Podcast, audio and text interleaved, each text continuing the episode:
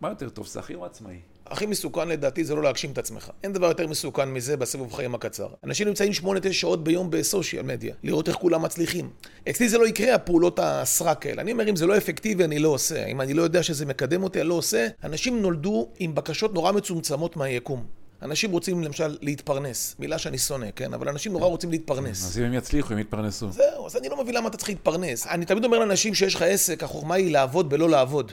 ורוב האנשים עובדים בלעבוד, ואז הם לא מבינים למה הם לא פורצים גבולות. מכל הדברים שאני רואה בסוף, הדבר שמשותף לכל האנשים הכי מצליחים, כמובן שאני רואה את זה גם אצלך, זה לא שהם עובדים על העסק שלהם, עובדים על עצמם, הם בונים את עצמם כל הזמן, מבינים שהם העסק, ומה שאמרת קודם זה מי הקפטן, אין מישהו אחר, אין, אנחנו הקפטן. ברוכים הבאים לפודקאסט פריצת גבולות. כיצד אנשים רגילים מייצרים תוצאות לא רגילות. כאן אלון אולמן, אני אארח כאן את האנשים הכי מצליחים בארץ בתחומים שונים, ויחד נזקק לכם את ה-DNA של ההצלחה. יאללה בואו נתחיל. ניר דובדבני, איזה כיף שאתה כאן, ואיזה כיף שאתם כאן. ברוכים הבאים לעוד פרק בפודקאסט שלנו, אנשים רגילים, תוצאות לא רגילות, פריצת גבולות, והיום פרק מיוחד. אני הולך ליהנות ממנו בטוח. גם אני. זה בטוח. אני כבר נהנה, ואתם הולכים ליהנות ממנו וגם להפיק מלא ערך. נמצא איתנו היום אה, ניר דודבני, ואנחנו הולכים לדבר על איך עסקים רגילים עושים תוצאות לא רגילות. איך עסקים קטנים הופכים לעסקים גדולים, ולמה חלק מהעסקים הקטנים אה, פשוט מתאדים. אה, גילוי נאות, את ניר אני מכיר הרבה זמן, ובסיבוב הזה של השנה האחרונה הכרתי את ניר, אה, הכרתי אותו בצורה אחרת, תכף אני אספר לכם. אה, ניר הוא המנטור מספר אחת בי פאר בארץ, עזר לאלפי עסקים, אלפים רבים של עסקים בעיניי באזור המאה אלף, אני לא יודע את המספר המדויק, עזר להרבה מאוד אנשים לייצר תוצאות לא רגילות. אה, ניר היה קודם לכן, הוא היה שכיר, הוא עשה קודם כל סיבוב כשכיר, סיבוב מאוד גדול, הוא עשה את זה בצורה יפה, התחיל כשכיר, מה שנקרא, אם אני חושב, מדריך בחדר כושר. אשכרה. ואחר כך הוא, הוא טיפס ועלה והוא נהיה מנכ"ל של, הוא נהיה מנכ"ל של אחת מהחברות הבינלאומיות הגדולות שהיו בארץ, חברת הולמס פלייס, היה אחד המנכ"לים הראשונה שלה, הראשונים שלה, ואחר כך של חברה נוספת שהם הקימו, כלומר הוא עשה את הסיבוב, הוא היה שכיר, תכף נדבר על זה גם, ואז הוא יצא לדרך חדשה כעצמאי, ואחרי שהוא הצליח כעצמאי הוא התחיל לעזור לאחרים, והיום אה, ניר, ברוך השם. תודה רבה. אה, ניר הוא יושב ראש של חברת אה, R&D, זו חברה שבבעלותה כמה וכמה עסקים, אולי אתה תספר את זה תכף, ועזר ועוזר להרבה מאוד עסקים. ועוד גילוי נאות, אנחנו חברים, אנחנו מכירים הרבה שנים. ושכנים. ושכנים, שזה חדש יחסית. ועוד דבר שהוא חדש יחסית, אנחנו שותפים.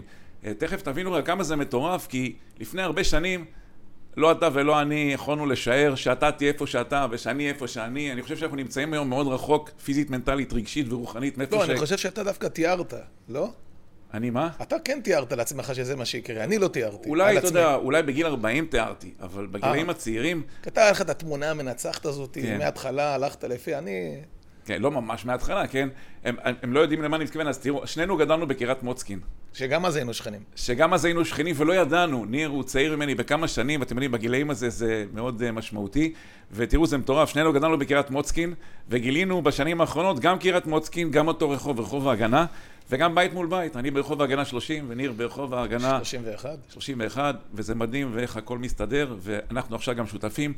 אז יאללה, ניר, בוא נתחיל. אנחנו אה, הולכים אה, לדבר הרבה על עסקים, ומה שחשוב.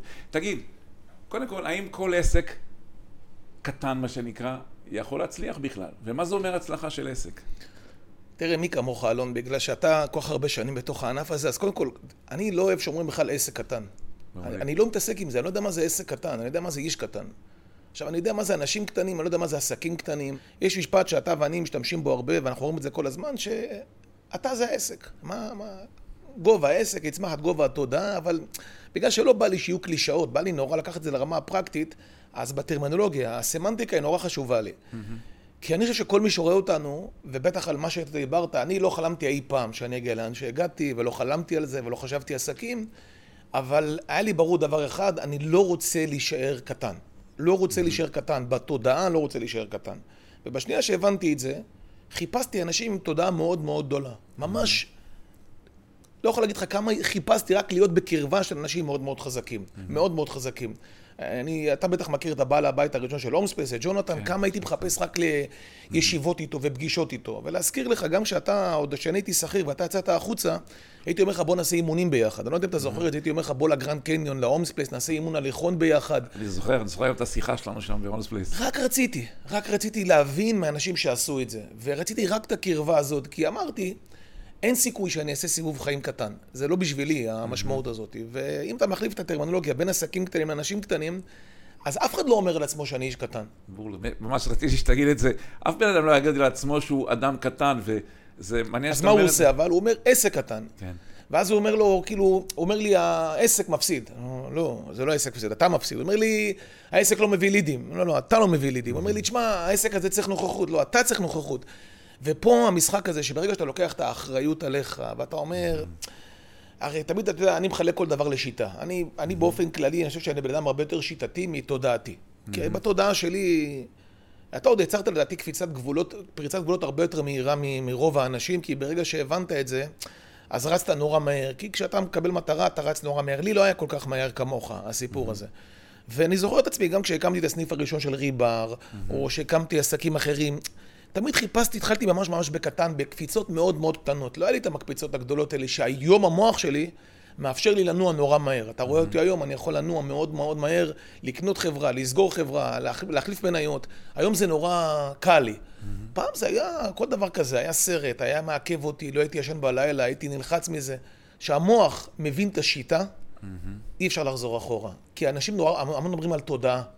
רגע, אתה אומר בעצם שתכף נגיד לזה שאחד הדברים הכי חשובים להצלחה בחיים ובעסק זה שצריך שיהיה שיטה, קודם כל שנבין שיטה. אני בתפילה... אבל רק לפני זה מילה, לא להשאיר את הספרים, העסק הקטן.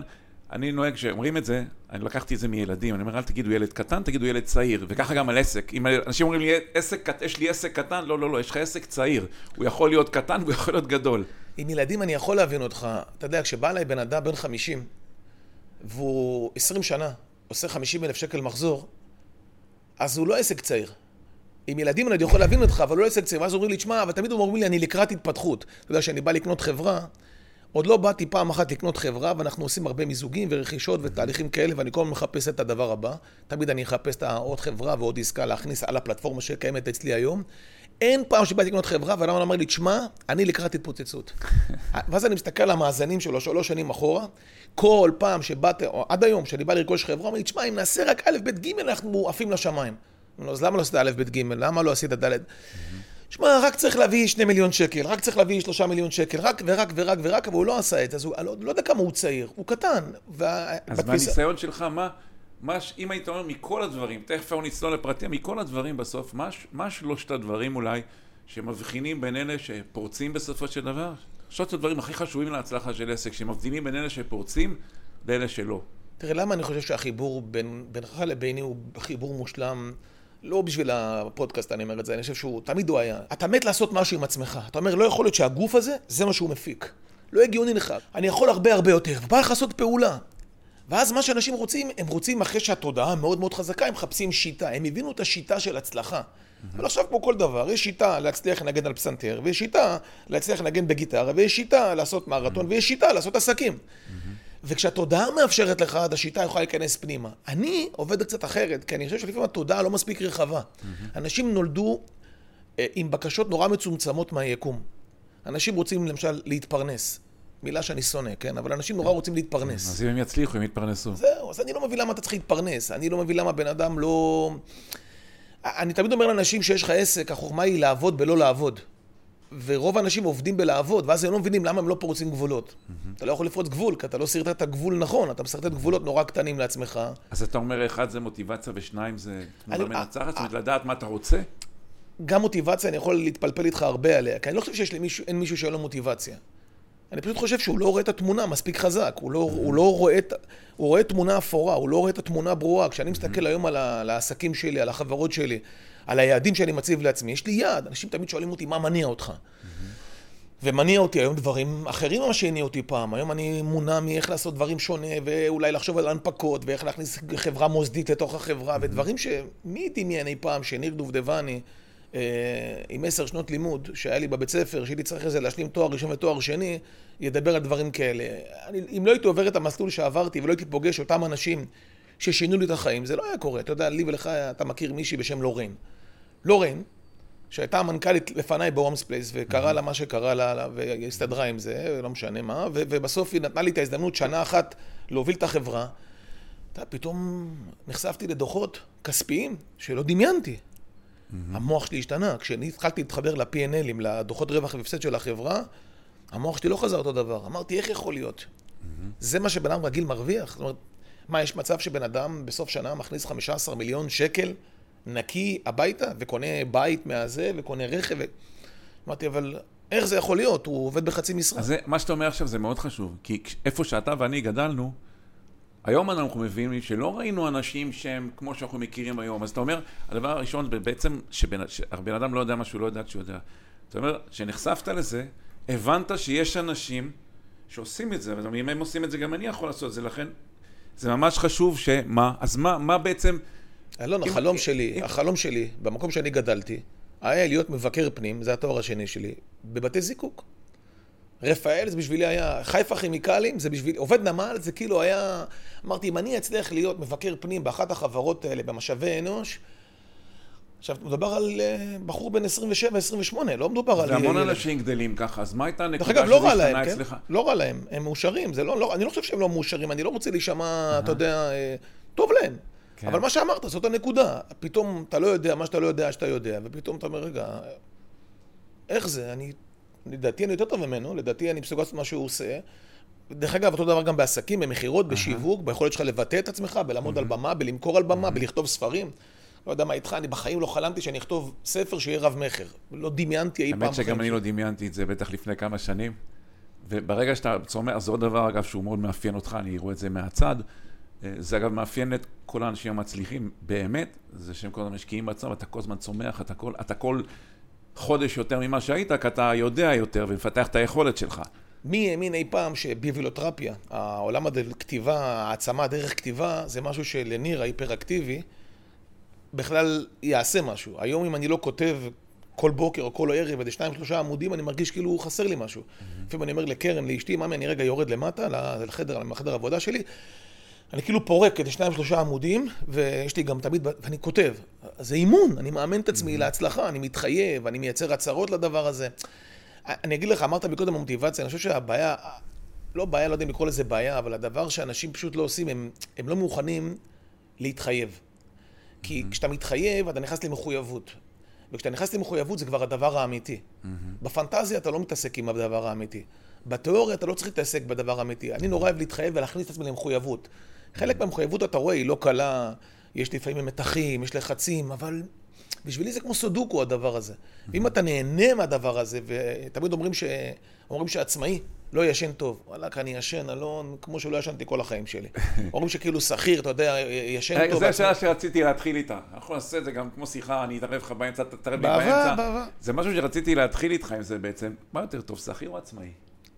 יודע, אשתי... שנינו, שנינו היינו גם וגם. אני הייתי שכיר 23 שנים לפני הקריירה הנוכחית. 23 שנים, אתה היית שכיר. ועוד איזה שכיר היית? ועוד איזה שכיר הייתי. היית במסגרת של המסגרת של המסגרת. נכון. אז מה יותר טוב, שכיר או עצמאי? בסוף אני גם אשאל מה יותר מסוכן, אבל זה בסוף. מה יותר טוב, אתה חושב? קודם כל, הכי מסוכן לדעתי זה לא להגשים את עצמך. אין דבר יותר מסוכן מזה בסיבוב חיים הקצר. כי אני חושב שאם אתה לא, אני לא יודע, אני תמיד אני אומר שאם אני עכשיו אעצום עיניים, אני יוצא את העיניים בכיף. תמיד אני אומר, יש לי שעון חול, מצבה.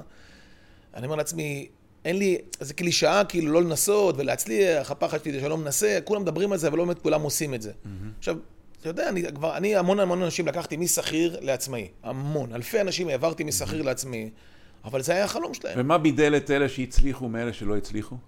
תראה, תמיד הפער הוא בין הצריך לרוצה. Mm-hmm. שאל אותי מה זה הצלחה בחיים. יש ציר של צריך וציר של רוצה. Mm-hmm. לשמחתי, בטח ב... בוא נגיד, בעשר שנים האחרונות אני לא עושה משהו שאני צריך. כלום. אני עושה רק מה שאני רוצה. ואם אני רוצה, אז אני קונה, ואם אני רוצה, אז אני מתקדם. אני לא צריך אה, אה, לעבוד. Mm-hmm. לשמחתי, אני גם לא צריך לעבוד כבר כמה שנים טובות, אתה מכיר את השותף שלי, mm-hmm. עשיתי את הסיבוב שלי לפני שנתיים, אני עם שותף ש, שנותן לי גב מאוד מאוד חזק, ויצרנו תהליך מדהים. Mm-hmm. אני גם לא... חייב, אבל חיפשתי אנשים שיש להם חזון משותף לחזון שלי, שעושים רק את מה שהם רוצים. Mm-hmm. אבי, השותף שלנו, שאתה מכיר, הוא עושה את מה שהוא רוצה. אתה יודע, אני בבוקר איתו בשיחות, בערב איתו בשיחות, אנחנו משחקים, זה הבייבי שלנו. אשתי, קרן, לא מבינה מה אני רוצה מהחיים. זאת אומרת, אם תלך לאשתי עכשיו, היא תמיד צוחקת, היא אומרת לי, אני לא יודעת מה מניע אותך. תהיה בריא, אני מתה עליך, אוהבת אותך. עכשיו, אין לי שיפוט. אני לא, לא אמרתי בהתחלה באמת, ניר, ניר, אה, למי שלא יודע, ניר נשוי, יש לו ארבעה ילדים. שיהיו בריאים, כן. אז איך, איך, זה גם שאלה שהרבה לא, אנשים... רק להגיד לך משהו על הקרן, היא מאושרת. מאושרת, שכירה, אני חושב שהיא השכירה הכי מאושרת שיכולה להיות. היא עובדת בחברה טובה, ב-EY, מבסוטה, מאושרת, אקטוארי, טוב לה, מלאה בעצמה. אני, עכשיו, אני בחלומות שלי הייתי שמח מאוד שהיא תהיה עצמאית. היא כמובן תוסיף עוד אפס למשכורת, לא פחות, כי, כי היא סופר מוכשרת ואין הרבה אנשים כמוה בישראל, ואני אומר את זה ממקום אה, אולי לא אובייקטיבי, אבל mm-hmm. אני באמת חושב שאני מעריץ את אשתי, את מה שהיא עושה, אבל זה לא מעניין אותה. זה לא מניע אותה. זה, זה, עכשיו, mm-hmm. היא לא צריכה את זה. אנחנו, אני ואתה, תמיד רוצים, אתה יודע, ל, ל, זה משחק. בשבילי החלפתי את הכדוריד, אני שחקתי הרבה שנים כדוריד. Mm-hmm. החלפתי את הכדוריד בעסקים. זה הכניס לי תשוקה, זה, זה תמיד יש, יש ניצחונות, יש הפסדים, יש, יש תוגה, יש, יש שמחה, יש את הכל, כל מה שנהג צריך יש פה. באמת, אחת הסיבות הכי חשובות ללמה אנשים, יש רצון או אין רצון או מוטיבציה, זה מה הסיבה שמניעה אותם, מניעה אותם. למה זה מניע אותך? אתה יודע שתמיד אומרים אנשים, אני כן יכול, אני לא יכול, אני אומר לו, אם החיים של הילדים שלך היו תלויים בזה, היית יכול? ופתאום הוא כן יכול, כי זה חשוב לו. נכון.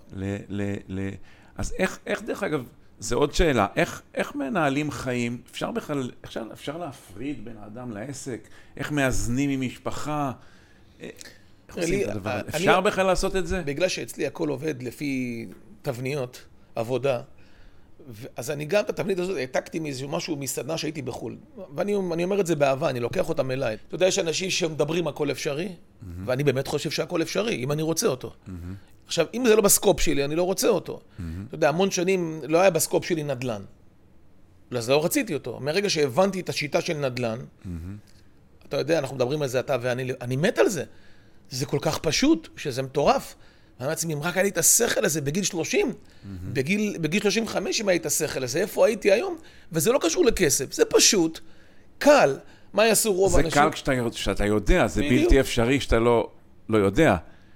נכון, אתה יודע, יש מה שנקרא, יש, יש כוח לבורות, אה, אתה יודע, כן. אתה, לא, אתה לא יודע שאתה לא יודע. אנשים לא מבינים, שואלים שמה, מה יקר, שסדנה יקרה, אבל המחיר, לא יודעים מה המחיר של בורות, המחיר של בורות זה החמצה. כמה שנים אתה ואני בכלל לא ידענו מה אפשר יכול, לעשות. למה אני חושב שכל מי שמגיע, באמת אני אומר את זה, לא משנה אם זה... אני רוצה להגיד שאנשים ידעו, כל מי שצופה בנו, שומע אותנו, תלוי באיזה פלטפורמה, אני חושב ששנינו, גם אתה, גם אני, זו דוגמה שאף פעם לא מאוחר. אף פעם לא מאוחר. אני חושב שאת הקריירה הזאת התחלתי בגיל 40, פחות או יותר. עד אז הייתי, עשיתי משהו שאפשר להגיד שהוא דומה, הייתי מנהיג בצבא וזה, אבל שנינו התחלנו את מה שאנחנו עושים עכשיו, אני חושב בגיל מאוחר. באיזה גיל התחלת? אתה יודע, באיזה גיל התחלת להיות עצמאי בכלל? אני תמיד אפשר. 35, יצאתי פעם ראשונה. לא חלמת, אני לא יודע, אולי כן, אני לא חלמתי שאני אגיע למקומות האלה. פשוט אני לא חושב ש... אני תמיד אגיד את זה, אנשים חולמים יותר מדי בגדול. ואני חושב שזאת הטעות של רוב האנשים. עכשיו, אתה אומר לי, ניר, אתה אומר לאנשים לא לחלום בגדול? אני אומר להם, חבר'ה, תחלמו אבל כשאתם ערים. כי רוב האנשים חולמים שהם ישנים, אז אם אתה חולם שאתה ער, אתה כותב את זה, אתה מכין תוכנית פעולה, אתה בונה דאפה על התהליך הזה. הרי זה הכל בסוף מיקרו פעולות, למקרו מחשבה ומיקרו פעולה. איך, איך מגיעים אבל ליישם? אני חושב שאתה הבן אדם הכי יישומי שאני מכיר.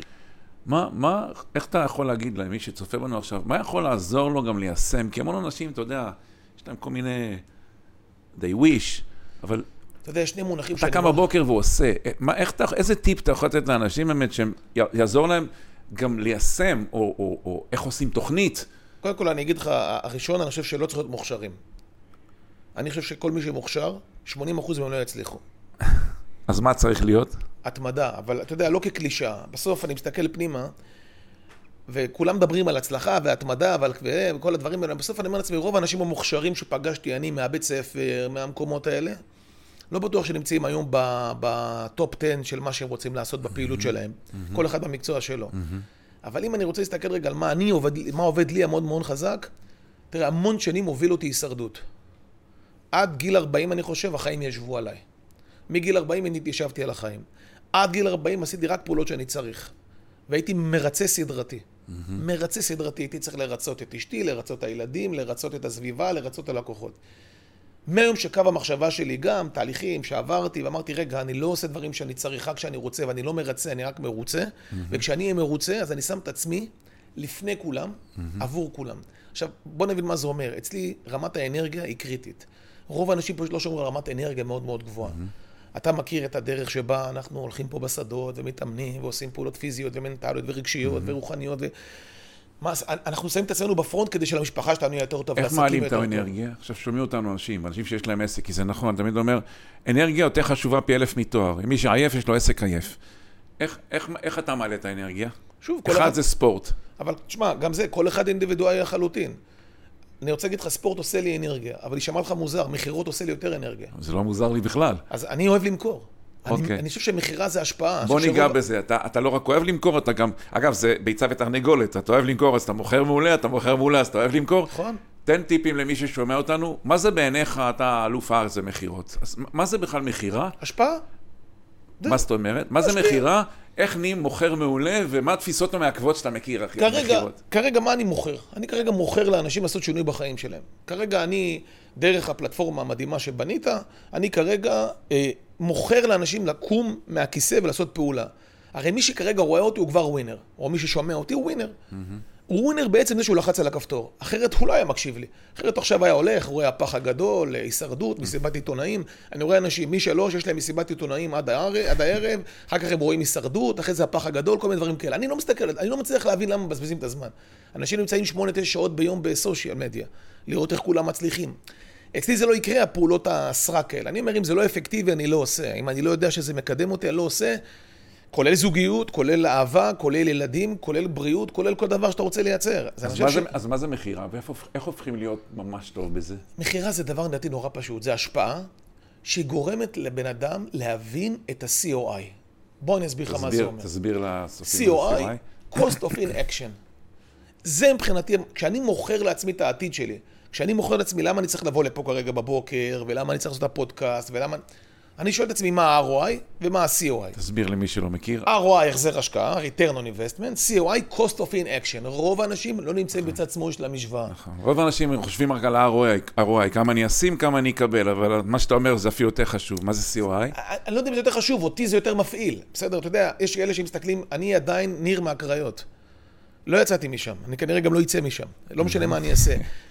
אני חושב שה-cost of in action, היכולתי ולא עשיתי, יכול לגמור אותי. Mm-hmm. אני, הדבר הזה, אומר, רגע, אבל למה? היה לי הזדמנות, מה, מה היה? מה, מה קרה באותו רגע? ש... איפה הייתי? איפה הייתי כחושים? מה, מה לא ראיתי מספיק טוב? יש מחיר ללעשות, והמחיר היותר גרוע זה לא לעשות. מה יקרה אם אנחנו לא נעשה? וזאת מכירה. זאת אומרת, בתודעה שלך בכלל, וככה אנשים, זה שאנחנו מוכרים למישהו, אתה מוכר למישהו משהו, אתה בעצם עוזר לו. מה זאת אומרת? אתה, ש... אתה עושה לו שירות. רגע, יותר גרוע, אלון, אם אני לא מוכר לו, אני פוגע בו. גם פה COI ו-ROI, שים לב למונחים שלי, יש כאלה שלא ימכרו, ככה לא יחשבו שאני איש מכירות. הוא שומר על עצמו והוא פוגע במישהו אחר. אנחנו פוגעים באנשים כי אנחנו כאילו שומרים על עצמנו, על מה יגידו עלינו. זאת אומרת, אם אנחנו יכולים לעזור ואנחנו לא עושים את זה, זה פעם שמעתי אותך אומר, אז אנחנו פושעים. פושע, זה פשע לא למכור, זה, זה לא ערכי. זאת פעולה לא ערכית לעשות פודקאסט כזה עכשיו, ושלא נפיץ אותו לאנשים, ושלא יראו אותו ויגידו, רגע. וזה אגב יכול לשחרר הרבה מאוד אנשים, כי מה התפיסות המעכבות שאתה מכיר, שאתה רואה כל יום אצל עסקים, מה התפיסות המעכבות שלהם בנושא מכירות? למה הם בעצם מפחדים מזה? כי הם רואים כל הזמן בטלוויזיה נוכלות, רמאות, כי העיתונים רוצים למכור, התקשורת רוצה למכור. אולי כי הם לא מרגישים שהמוצר שלהם מספיק טוב, כי אם אתה מרגיש שהמוצר שלך מספיק טוב, עוזר באמת לאנשים. אתה יודע מה הכי כואב? שאלה שהמוצרים שלהם גרועים, יודעים למכור יותר טוב, מאשר אלה שהמוצרים שלהם טובים. זה הדבר הכי נורא שיכול להיות. ואני אומר לך את זה בתור אחד שראה מאה אלף עסקים. Mm-hmm. אנשים עם חרא של מוצרים יודעים למכור, והם מוכרים. ואנשים מוצרים נפלאים, הם אנשים טובים, נותנים מלא מלא ערך, זה, רק תזכור, אתה יודע, תמיד אני אומר, איך אתה מוכר, אני יכול, זה רפלקציה של הנפש. מכירה זה רפלקציה של נפש, ואני כותב את זה הרבה בספרים שלי, כי כשאתה מסתכל על, אני תמיד אומר נפש בריאה בגוף מוכר. כשאתה מוכר, אתה טוב לך, אתה הנפש שלך בריאה, אתה אומר בוא'נה, אני בעל השפעה, אני מייצר משהו אדיר, ולא אכפת לי מכל מיני אנשים שנמצאים בפרטו של הפרטו, בארבעה אחוז האלה, זה לא מעניין אותך, אתה לא סופר את הביקורת הזאת. וזה חוסן מנטלי. וחוסן מנטלי מבחינתי, זה בן אדם שהתוצאה לא מגדירה אותו. זה בן אדם שאומר, הדרך מגדירה אותי, לא התוצאה, ואז המצב, רמת האנרגיה שלי לא תלויה אם הצלחתי למכור או לא הצלחתי למכור. רמת האנרגיה שלי נשארת באותה רמת אנרגיה אם ניסיתי למכור או לא ניסיתי, או לא הצלחתי למכור, או לא ניסיתי בכלל למכור לבן אדם. ואפשר ללמוד מכירות. כי בסוף אני חושב שמי שלא לומד מכירות, ולא לומדים את זה לצערי בבית ספר. זאת נקודה מאוד חשובה, כי אני... אני חושב שזה הדבר השני, הסקיל השני הכי חשוב להצלחה בחיים. הסקיל הראשון זה מנהיגות, יכולת להוביל אנשים, קודם את עצמנו ואז אנשים אחרים למטרות, בסדר הזה. זה לדעתי הסקיל מספר אחת להצלחה בחיים, להצלחה בעסקים. והסקיל השני זה מכירות. אנשים חושבים שזה משהו כזה סליזי או משהו כזה, להפך. אם יש לך מוצר מצוין שעוזר לאנשים, אז ככה אתה עוזר יותר, או במילים שלך משפיע יותר. תזכור ש-80% מהעסקים שאני פוגש ביום-יום סובלים משתי מחלות שמתחברות ביחד. מה? איזה? הראשונה, תמחור בחסר, mm-hmm. שזאת מחלה נוראית שיושבת על חוסר ביטחון, mm-hmm. והשנייה, יותר גרועה, נתינת יתר. Mm-hmm. אתה מחבר בין שתי המחלות האלה, אתה מוצא גוף חולה. Mm-hmm. זאת הסיבה ש-80% מהעסקים חולים בישראל. תראה, בכלל יושבים על, על ה mindset של התודעה, של השווי העצמי, של הערך של עצמי, של מה אני באמת שווה שאני נותן. שלא יחשבו שאני בגזל, שלא יחשבו שאני יקרן, שלא יחשבו שאני איש מכירות. אני, הפחד שלי שלא יחשבו שאני איש מכירות. זה כאילו גרם, עצרת לי את הערך בחיים. ולכן התמחור, שאני, תמיד אני אומר ללקוחות שלי, תעלו בעשרה אחוז, תראו שלא קורה כלום. כלום. אתם תראו איזה יופי. אתה מעלה את המחיר בעשרה אחוזים, קורה דבר מדהים. הלקוחות המטרידים הולכים, נשארים רק הלקוחות הטובים, רמת האנרגיה שלך עולה, אתה עובד פחות שעות ועושה יותר כסף. מה הסיבה מספר אחת ש... אה, אה, אנחנו יודעים את הנתון המצער הזה שעשרות אלפי, נדמה לי הנתון נכון, זה 50 אלף עסקים בערך בשנה נסגרים בישראל. כן. המדינה זה בסבבה, אפשר, המדינה היא טובה כי נפתחים יותר עסקים, אבל ה-50 אלף עסקים האלה זה אנשים, משפחות והכול. מה הסיבות הנפוצות? מה אתה פוגש ביום-יום? אה, מה לדעתך סיבה מספר אחת או שניים שגורמות לעסקים לא להצליח או להיכשל? כן, בוא, בוא נביא רגע... ואיך מתקנים את הדבר הזה? בוא רק נבין את המספרים, ב-900 עסקים שנסגרים כל שבוע. זה מטורף. אם היה לך מפעל כזה בדימונה, אז עכשיו הממשלה הייתה עפה על זה. זה מטורף. אני 900... תמיד רואה את הילדים בבית, את הסבל הזה, זה משגע אותי. 900 עסקים נסגרים כל שבוע, וכולם המדינה סבבה. 54 אחוז מהתמ"ג, אבל אין שלטר. בגלל שאין שלטר, אין לנו הסתדרות, או אין שלטר, אין חברת חשמל, אז אפשר להתעלל בעסקים קטנים. אבל באמת מי שמתעלל בעצמם זה הם, כי אם בחרת להיות עצמאי, אז צריך לחפש עצמאות. וכשאתה מתחיל להיות עצמאי וחושב כמו שכיר, אתה תיפול. Mm-hmm. וזאת הבעיה. הם יצאו לעצמאות וחושבים כמו שכיר. הוא תמיד חושב כן. כמה כסף הוא צריך כדי לגמור את החודש. כן, אנשים מדברים גם בכלל, לדבר ברמה חודשית, זה, זה מחשבה של שכיר. אתה יודע, אתה עכשיו נמצא איתי המון המון זמן ביחד בחברה שלנו. היא חברה שאין לה גבולות גזרה. ואתה רואה אותי, אני תמיד חושב על איך אני מייצר מזה משהו אקספוננציאלי. כי אני אומר לעצמי, אני רוצה להשפיע מעידן ועד אילת על כל בן אדם בישראל. שיגע בקסם הזה שנקרא פריצת גבולות, שיגע בקוד המנצח, אם יש לו עסק שיבוא אליי לתוך התהליך לאלפא. אתה רואה מה אני רוצה שיעשה? כי אני חושב שאין היגיון לא ללמוד את זה, ועכשיו אין איפה, שמישהו, אין, אין איפה ללמוד את זה. אז בעצם אין, זה, מה ש... הדברים שאתה אומר נובעים, בעצם הדבר הכי חשוב בעסק, שיגרום גם להצלחה וכישלון שלו, זה הרמה האישית של בעל העסק. ברור. איך אתה חושב, איך אתה פועל, מה אתה יודע, לאן אתה מכוון. למה הם נסגרים? הם טסים נמוך מדי. עכשיו, בגלל שהם טסים נמוך מדי, כל מכה קטנה בכנף מפילה אותם לרצפה. אבל אין, אתה לא יכול לעשות עסק ולטוס נמוך מדי. זה כמו שאני אומר, אם יש לך עסק, יש שלושה סוגים, כן? יש את השכיר, אחר כך הולך להיות פרילנסר, אחרי פרילנסר הוא עושה עיסוק. מעיסוק הוא הולך לעסק, ומעסק הוא מתחיל להיות בעל עסק, ואחרי בעל עסק הוא הופך להיות יזם. יש שרשרת כזאת דרוויניסטית של, mm-hmm. של עולם העסקים בהתפתחות mm-hmm. האישית והעסקית. עכשיו, אנחנו תמיד אומרים נורא פשוט, אם אתה מתפעל בנשמה שלך, תשאר שכיר. אם הנשמה שלך היא מתפעלת, לעבוד, תשאר שכיר, כי אין לך סיכוי לעשות כסף. כי מה יקרה? התפעול יהפוך להיות שחיקה. השחיקה, אין מה לעשות. עכשיו, תסתכל את רוב העסקים, זה כמו המלון של פונטי שהיינו קטנים, זה בערך ה... לא יודע כמה הצופים שלנו בגיל הזה, אבל תחשוב ש... קרן ורץ לנגוח. כן, הוא גם מקבל אותך בקבלה, גם מותח לך את החדר, גם עושה לך את האוכל, הוא גם המלצר. ככה זה רוב העסקים, בגלל שהוא מתקמצן. כי התחזית העסקית שלו נורא נמוכה, הוא עושה הכל בחברה. הוא גם את זה, וגם את זה, וגם את זה. ואז אני רק צריך לתפוס אותם לפעמים.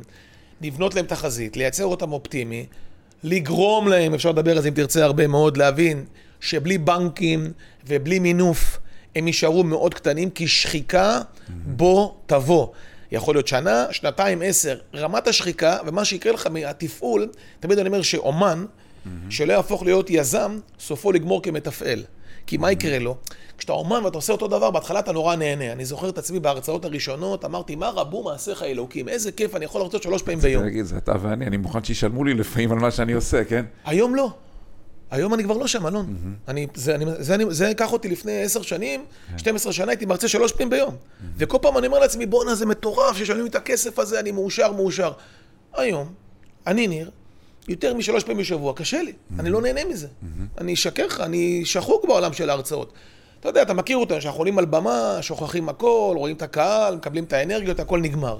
אבל אני כניר היום העליתי את המחירים של ההרצאות במחירים כאלה של בגדול אני אומר, תעשו טוב, רק אל תיקחו אותי. Mm-hmm. כי אני לא רוצה לתת שם, כולל דברים אחרים שאני עושה. זה גם דרך מעולה לתמחור, שלא ייקחו, שלא ייקחו, בסוף אלה שיקחו, קבעו את המחיר החדש. ברור.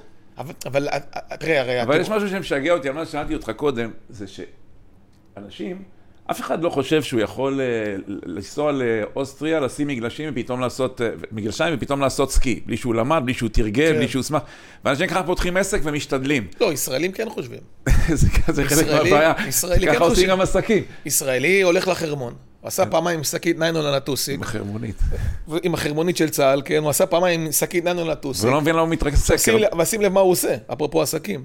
הוא קונה את החליפה הכי יקרה, את המשקפיים הכי יקרים, הוא קונה את, המ... הוא קונה את הציוד הכי יקר שיש, חיצוני.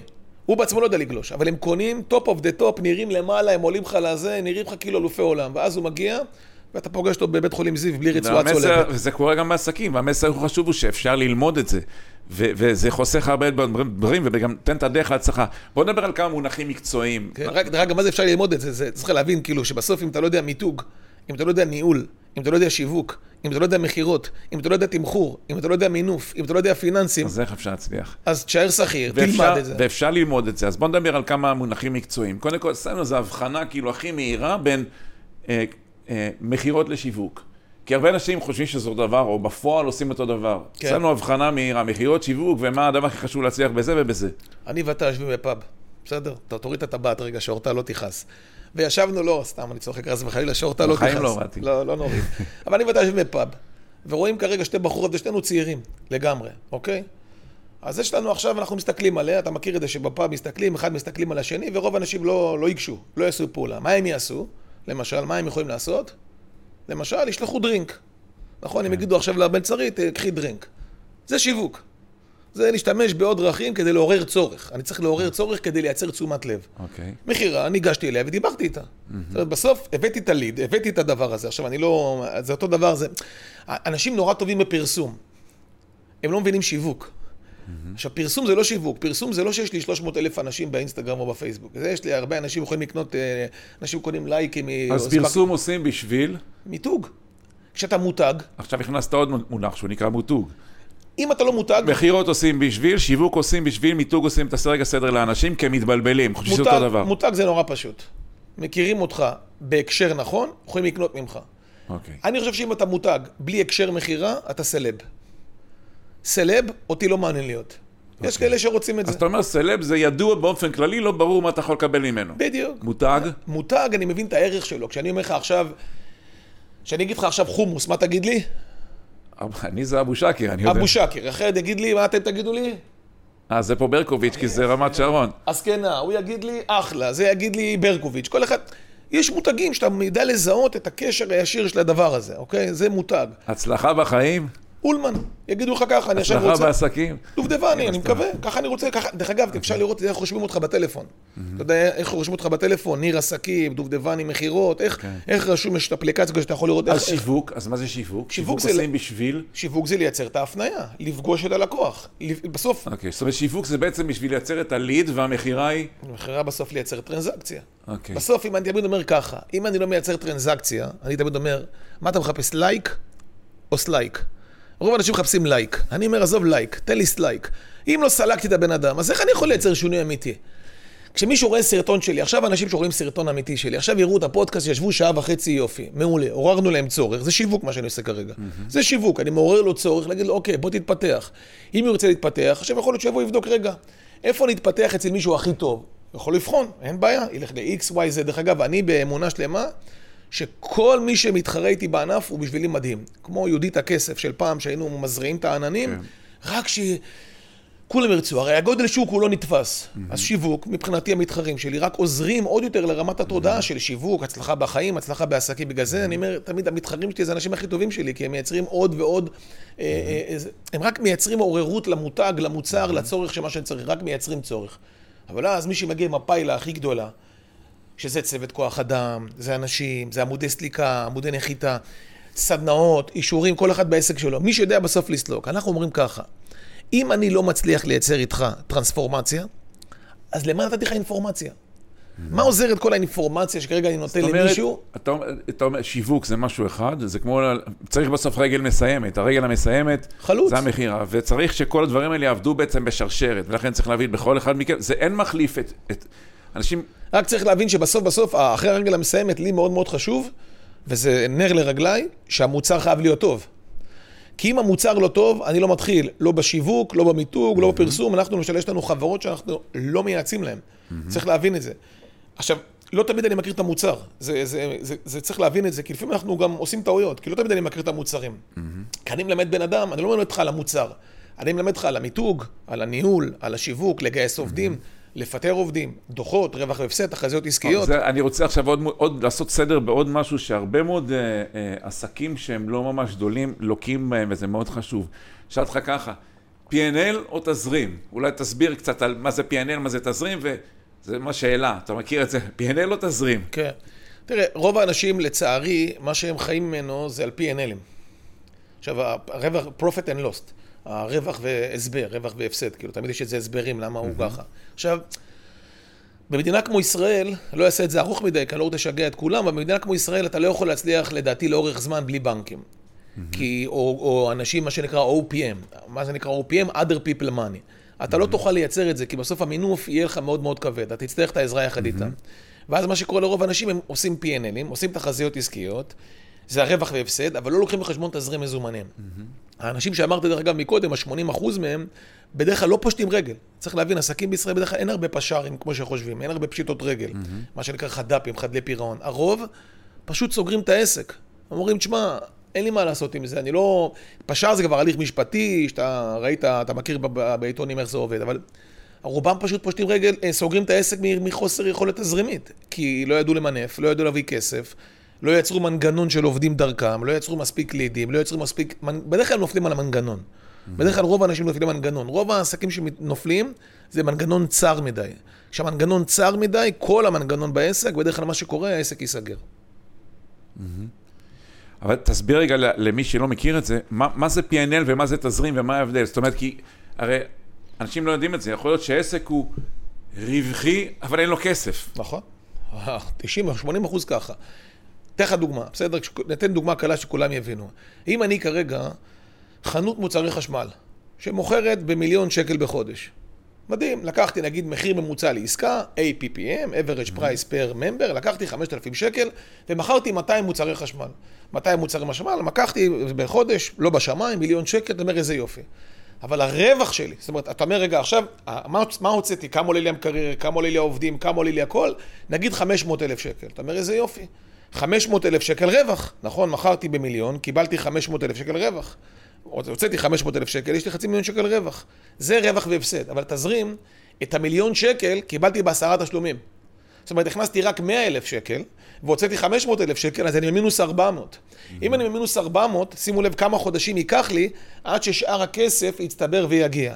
ופה מתחיל העולם הפיננסי, כי אם יש תחזיות טובות, ואנחנו בטוחים שהתחזיות נכונות, מה שנקרא על ה-Worst case scenario, עכשיו אני אצטרך איזושהי הלוואת גישור לתוך התהליך הזה, כי אם ה-P&L נכון, אני צריך איזשהו מישהו שיממן לי את הכסף בעיניים כדי להתחיל לייצר כסף מהדבר הזה. דרך אגב, הדוגמה הקטנה הזאת, רוב האנשים נופלים ממנה. רוב האנשים רוצים לצמוח מתוך העסק עצמו.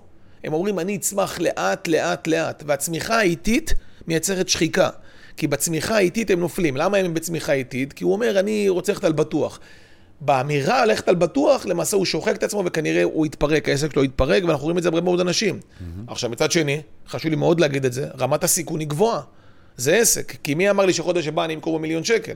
הרבה מאוד עסקים נפלו כי הם מינפו את עצמם יתר על המידה, יש חוקים למינוף, לא אעלה אתכם כרגע בתוך החוקי מינוף, אבל יש חוקים לאיך אני ממנף עסקים, הכל נוסחאות נורא מתמטיות של איך אנחנו עושים את זה, כי מה לעשות, המדינה הזאת היא צפויה. אני יודע שתהיה מלחמה עוד מעט. זאת אומרת, אני ארצה או לא ארצה, לא עלינו, אבל תהיה מלחמה. אז העסקים ייפגעו, אין מה לעשות. אנחנו יודעים מה הרזרבות שבן אדם צריך להשאיר לעצמו. אני רוצה באמת לדבר רגע על זה. על, אה, אנחנו חיים בעולם של אי-ודאות בכלל, ובישראל זה אה, קורונה ומלחמה, והיום יש מיתון. אני רציתי לשאול אותך על, על שני גורמים שונים שמשפיעים. אחד הוא, כן כזה דבר טוב או רע. איך, מה העסקים צריכים לעשות במיתון? אחרי זה אני רוצה לדבר איתך על AI. כן. שזה משהו מצד שני. כן. כל הזמן קורים דברים מסביב, כן. ועסקים צריכים, כדאי שיתייחסו אליהם. בואו נתחיל ממיתון. אתה יודע, הפעם הראשונה שהתחלתי ללמוד נדל"ן, אני את הספר, בטוח קראת מי כמוך את רוברט קיוסקי, היינו בסדנה שלו גם בחו"ל, ו... וכשהוא התחיל לדבר על נדל"ן פעם ראשונה וקראתי את הספר הזה, אבא עשיר, אבא אני, שאמרתי לעצמי, מה, מה הוא רוצה ממני? לא הבנתי אפילו מה הוא רוצה ממני. זה מצחיק, כי גם אני, כשקראתי פעם ראשונה, הייתי עם תואר ראשון שני בכלכלה, אמרתי, אה, זה לאלה שלא מבינים, כי אני לא הבנתי. כן, יזמות, נכסים, התחייבויות, ולא הבנתי מה הוא רוצה. ו- ואז פתאום התחלתי להיכנס לעולם הנדל"ן דרך חברים. זאת אומרת, אה, עשו לי טובה, הכניסו אותי לאיזו עסקה, ממש ככה, עשו לי טובה, הכניסו אותי לאיזו עסקה. ונדהמתי לראות איזו עסקה בחו"ל, ונדהמתי לראות שנכנסתי לעסקה, ופתאום לימדתי מה זה ריפייננס. עכשיו, תשמע, מי בכלל ידע מה זה refinance? נכנסתי לאיזו עסקה בחו"ל, ופתאום נתתי כסף, כולה 100 אלף דולר, עשינו קבוצת חברים באיזה משהו בגרמניה, עשינו, נכנסתי 100 אלף דולר, ופתאום, אחרי שלושה חודשים, ה-100 אלף דולר חוזרים אליי. עשו refinance את ההלוואה, החזירו את הכסף, משכנו את הבית, עשו החזר משכון מחדש כמה חודשים, חזר אליי הכסף ואני 20% שותף בדירה, בקומפלקס דירות בגרמניה. אני אומר לעצמי, מה זה? מה היה פה כרגע? הלכתי עם חברים, רצו, הייתי נזיל, נתתי 100 אלף דולר, אחרי כמה חודשים יש לי 100 אלף דולר ויש לי 20% בקומפלקס בגרמניה, לא משנה, אז מכרנו אותו ועשינו דברים אחרים. אתה עצמך, מטורף. ופתאום הבנתי את העולם הזה, ופתאום התחלתי להיכנס פנימה לעובי הקורה, מה זה פליפים, מה צריך לעשות. עכשיו, מה מצחיק, אלון? אני 15 שנה נמצא בעולם התפתחות אישית, אני 15 שנה שומע שיש מיתון, 15 שנה שומע שיש בועה, 15 שנה אני שומע למה אי אפשר. עד שאתה פוגש את האנשים שאומרים לך איך כן, לא למה לא. וכשאתה פוגש את אנשי האיך כן, פתאום אתה רואה שאנשי הלמה לא משרתים את אנשי האיך כן. וככל שיש יותר אנשי למה לא, אנשי איך כן עושים יותר כסף. מה שנקרא, השמנים השמנים והרזים ימותו. הרזים מתים, השמנים השמנים. וזה בול, וזה הסיבה הזאת שהשפע בעולם תמיד הולך לכיוון של 4-5 אחוז. אז מה טוב במיתון? כן, אז מה טוב במיתון או אה, מה... אני תמיד אומר שעסקים צריכים לחשוב, לא משנה מה, יש מיתון... למי רע המיתון? תזכיר לי רק, לאה. למי רע המיתון? אתה יודע, קודם כל במיתון מה שקורה במקרו זה שכל העסקים הלא טובים יוצאים מהענף. העסקים החזקים מתחזקים. אז מה שאתה רוצה להגיד לי שבמיתון זה רק שאלה איפה אתה נמצא במשוואה. נכון. אני אומר שהמיתון זה שאלה שצריך לשאול אחרת. במקום לשאול מה עכשיו לצמצם, צריך לשאול מה טוב במיתון, או מה אנשים צריכים במיתון, ולתת להם מה שהם צריכים. מה העסק צריך לעשות במיתון. בוא ניקח דוגמה עכשיו על נדל"ן, בסדר? תשמע, יש עסקאות מטורפות. מי שנזיל, הזיה. הקבלנים נכון. בלחץ אטומי. כי זו דוגמה, אפשר להסתכל מה רע, העלו את הריבית. המשכנתה יקרה. מצד שני, העלו את הריבית, הקבלנים חנוקים, וזאת ההזדמנות. אתה יודע כמה אנשים עכשיו יושבים ורואים אותנו כרגע, ההורים שלהם, אין להם משכנתה על הבית, בחוץ הקבלנים לחוצים מאוד מאוד לכסף, יכולים ללכת להורים שלהם, לקחת משכנתה הפוכה על הבית שלהם, אוקיי? אין לראות בעיל ייעוץ שיווקי, ייעוץ משפטי. מה שאני לא עשיתי 15 שנה, כי לא ידעתי שיש דבר כזה. אז עכשיו אני מסתכל פנימה, לך להורים שלך, אין להם משכנתה. קבלנים עכשיו בלחץ אטומי, הם מוכרים עסקאות ב-15.85, לא 20.80, בגלל שהם זקוקים לכסף, והם לא צמודי מדד. זאת אומרת, כרגע יש לך עסקאות, אוקיי, במלא מקומות, בוא ניקח דוגמה עכשיו פה, לא רחוק מאיתנו, פתח תקווה. העיר הזאת משופעת בעסקאות נדל"ן מטורפות, כי הקבלנים בלחץ מאוד גדול, כי הריבית עולה ועולה ועולה ועולה, הם מחויבים לכספים, הם מוכרים לך דירות במחירים מטורפים. עכשיו, אנשים אומרים, אין לי כסף. לא, אין, זה לא שאין לך כסף. אין לך ידע, אין לך שיטה ואין לך את הבהירות איך עכשיו ללכת להורים שלך, להגיד להם, חבר'ה, אני לוקח כרגע משכנתה הפוכה לבית שלכם, גרוש וחצי, הולך, קונה ארבע דירות על המשכנתה ההפוכה, ארבע דירות ב-15, קונה עכשיו, כרגע לקחתי לך נגיד שתיים וחצי מיליון שקל, נגיד ארבע מאות אלף שקל, ארבע דירות, נגיד 1.6 מיליון שקל, לקחת משכנתה הפוכה לבית של ההורים, שמת את הכסף שם, קנית ארבע דירות, חיכית עכשיו שלוש שנים עם הכסף, אתה לא משלם משכנתה, לא משלם כלום, כי שילמת את הכסף הזה מהמקום הזה, עשית לו גרייס, נתת בלון לדבר הזה, אם אתה חכם, תוך שלוש שנים, קח את הדבר הזה, תכניס מישהו בנעליים שלך, תייצר פעולות אחרות, ויש לך פתאום פליפים של החיים. הרי אין סיכוי שהדירות האלה שם, מי שקצת מכיר את המשק, אין סיכוי שהם יפלו. אבל רוב האנשים יגידו, עכשיו זו לא תקופה טובה. אני אומר לך, לא איפה אתה נמצא. ואל תגיד לי אין לך כסף, פשוט לא בדקת איפה נמצא הכסף ואיך עושים את זה. שוב, זה לא שאני נותן ייעוץ אה, לאנשים אה, על הדרך, אז אני לא אוהב לתת על הדרך ייעוץ, אני אומר, יש כל כך הרבה פרקטיקה בכסף, פרקטיקה אמיתית באיך עושים את העסקאות האלה, על חוסר ידע של אנשים, ודברים לפעמים מורכבים, אבל מה? לא מסופחים. וזה לא מסובכים, שוב, שוב, לא מסובכים כשאתה יודע. מרכיבים, ו- מורכב. אולי, אולי אני אחזור על זה בפעם המאה, לא בשידור הזה, אבל הדבר הכי חשוב להצלחה בעסק זה הרמה האישית שבאה עליו. כלומר, ככל שאנחנו מוסיפים לעצמנו עשרה אחוז של ידע, זה יכול להיות אלף אחוז בעסק שלנו, כי אם אנחנו לא יודעים איך... אז זה כמו לא לדעת לעשות סקי כאמור. הנה, אבל תראה דוגמה מדהימה. נתתי לך עכשיו דברים שהם מאוד מאוד פרקטיים. אני מבטיח לך שאולי חמישה אחוז ממי שישמע אותנו, בכלל יעשה מעשה והוא יחקור את זה. אני לא יודע מה איתך, אני כאילו רואה עכשיו שאנשים רוכשים המון המון ידע, ועם הידע הזה הם עשו כאילו וי. הם לא עושים את הפעולה. מלחיץ אותי נורא העידן הזה, אתה יודע, של המון ידע חשוף. כי אני מגלה שככל שאנשים יודעים יותר, הם עושים פחות. Mm-hmm. וזה מדהים אותי. אז אני כאילו, כל העולמות האלה של פודקאסטים ואינסטגרם והכול, כאילו אני מרגיש שאנשים שומעים אותי, אבל הם לא באמת מעט מאוד אחר כך הולכים ועושים את לוקחים פעולה, כן. וזה מדהים אותי הדבר הזה. וצריך להגיד שהגשר היחידי להגשמה, הגשמה זה להפוך משהו לגשמי, והדרך היחידה לעשות את זה פעולה. ואחר כך כמה פעולות, אי אפשר לעשות את זה בלי פעולה. עכשיו, זה לא פחד אפילו, אתה יודע, אני מנסה לשאול את עצמי, מה זה יושב? פעם, פעם חשבתי שזה פחד. אני כבר היום, אני מסתכל על זה, לא, דרך אגב, לא ממש, אני, אני לא ממש חקרתי את זה עם עצמי עד הסוף, אבל אני כבר לא רואה את הפחד בעיניים שלהם. הם כאילו כבר הם, אדישים לעצמם. כאילו אני מזהה איזה אדישות לעצמם, כאילו כבר, אה, אוקיי, זה... אז אם אתה אדיש לעצמך, אז למה אתה בא להרצאה שלי? למה אתה בא לסדנה שלי? למה אתה קראת ספר שלי? למה אתה שומע פודקאסט שלי? תבחן את מה שאמרתי כרגע. כרגע אמרתי לך על פתח תקווה, שלח לי הודעה. איפה פתח תקווה? סתם דוגמה. אני לא מחפש שקל, לא מרוויח שקל על הדברים האלה. איך עושים... כאילו, ת, ת, תחתור למגע, תעשה מה שצריך, ולך.